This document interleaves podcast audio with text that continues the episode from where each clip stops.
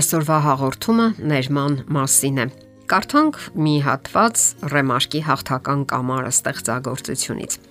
Մենք չենք մահանում։ Մահանում է ժամանակը, անիցիալ ժամանակը։ Նա մահանում է անընդհատ։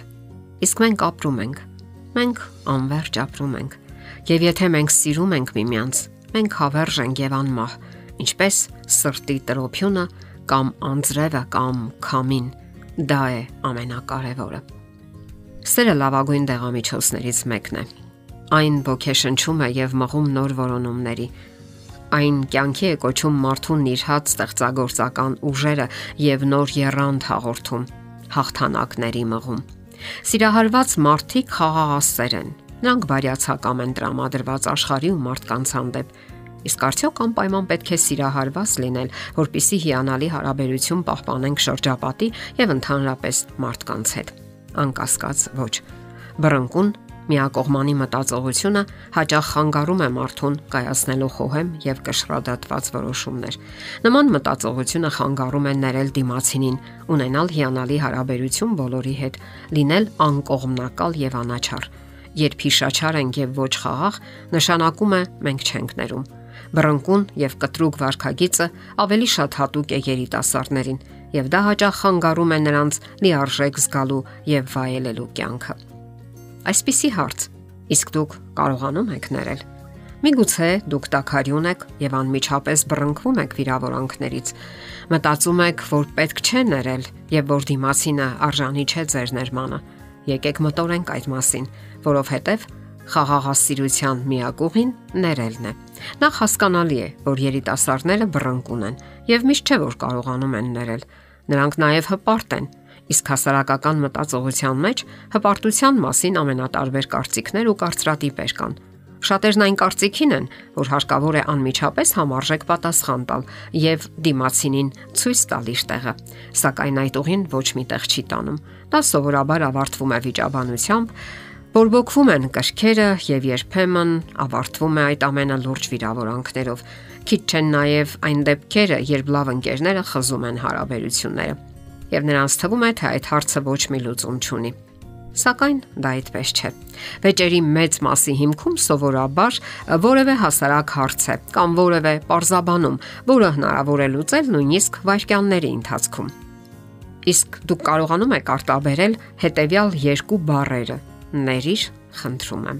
Նման դեպքերում հարցը սովորաբար փակվում է։ Եթե իհարկե դիմացինը խաղաղասիրաբար է տրամադրված եւ նորմալ անznավորություն է։ Պատահում է իհարկե հակառակը, երբ կողմերը անիմաստ շարունակում են վիճաբանությունը եւ տրամադրված չեն հաշտության։ Այսպիսի դեպքերը բնականաբար դեպի փակուղի են տանում։ Սակայն եկեք հիշենք, որ խաղաղասիրությունը եւ հաշտությունը դրական որակներ են եւ շատ հարցեր կարող են լուծել, հատկապես երիտասարդական հարաբերություններում։ Կյանքը միշտ էլ անակնկալներ ունի։ Մենք հարաբերվում ենք, շփվում ամենատարբեր բնավորության տեր մարդկանց հետ։ Հնարավոր են տարաձայնություններ։ Պետք չէ կանգ առնել բացասական պահերի վրա եւ շատ լուրջ ընդունել դրանք Ներեցեք մարդկանց պարզապես այն բանի համար, որ նրանք անկատար էակներ են։ Նրանք կարող են սխալվել, կարող են ակամա վիրավորել, իրենք էլ չուզենալով դա։ Կարող են լինել դեպքեր, երբ վիրավորում են միտումնավոր։ Այդպես էլ է պատահում, որովհետև ունեն բնավորության հիմնախնդիրներ։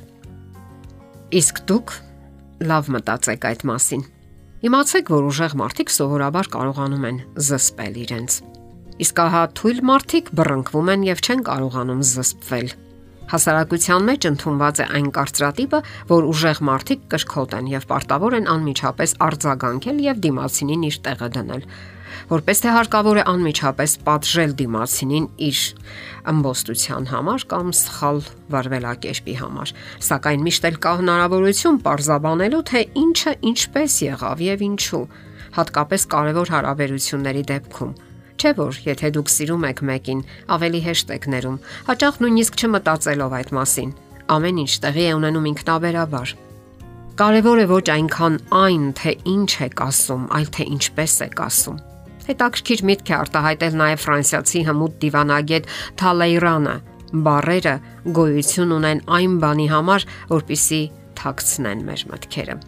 Ասենք որ մարդու զրույցի տոնից կարելի է անսխալ որոշել, թե ինչպիսի մարդ է նա՝ բարի թե չար, համեստ թե փառամոլ։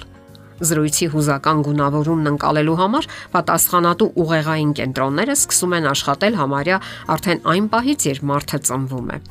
Իսկ մեր օրյա դառը իրականությունն այն է, որ մարդիկ այլևս չեն հետևում իրեն ձայնի տոնին կամ ինտոնացիային Չափանիշ է դարձել կայծակնային պատասխանը եւ ագրեսիան եւ ոչ հազվադեպ պայթյունը։ Իսկ հա սիրալիր եւ բարյացակամ խոսքերը ավելի ու ավելի հազվադեպ են դառնում։ Այս ամենը վկայում է հոգևոր այն խոր ճգնաժամի մասին, որի մեջ խորասուզվել է մեր օրյա մարդը։ Եվ դա վերաբերում է մարդկային ցանկացած փոխհարաբերության։ Այդպես են խոսում միմյանց հետ ամուսինները, այդպես են խոսում ծնողներն իրենց երեխաների հետ, այդպես են խոսում աշխատավայրում, հասարակական տրանսպորտում եւ այլն։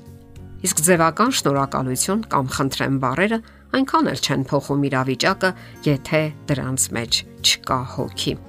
Վիճահարույց հարցեր հնարավոր են բոլոր տեսակի հարաբերություններում, այդ թվում երիտասարդական։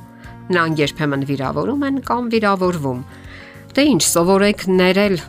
ոչ քիչ երիտասարդական հարաբերություններ չեն ավարտվում ամուսնական ուխտով եւ ստեղծվում են վիճահարույց իրավիճակներ։ Սա հենց այն դեպքն է, երբ հարկավոր է խաղաղասիրություն դրսևորել եւ խաղաղ բաժանվել։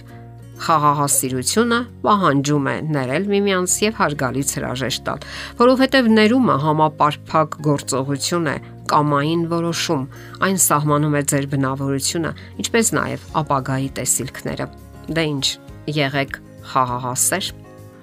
Եթերում է ճանապար երկուսով հաղորդաշարը։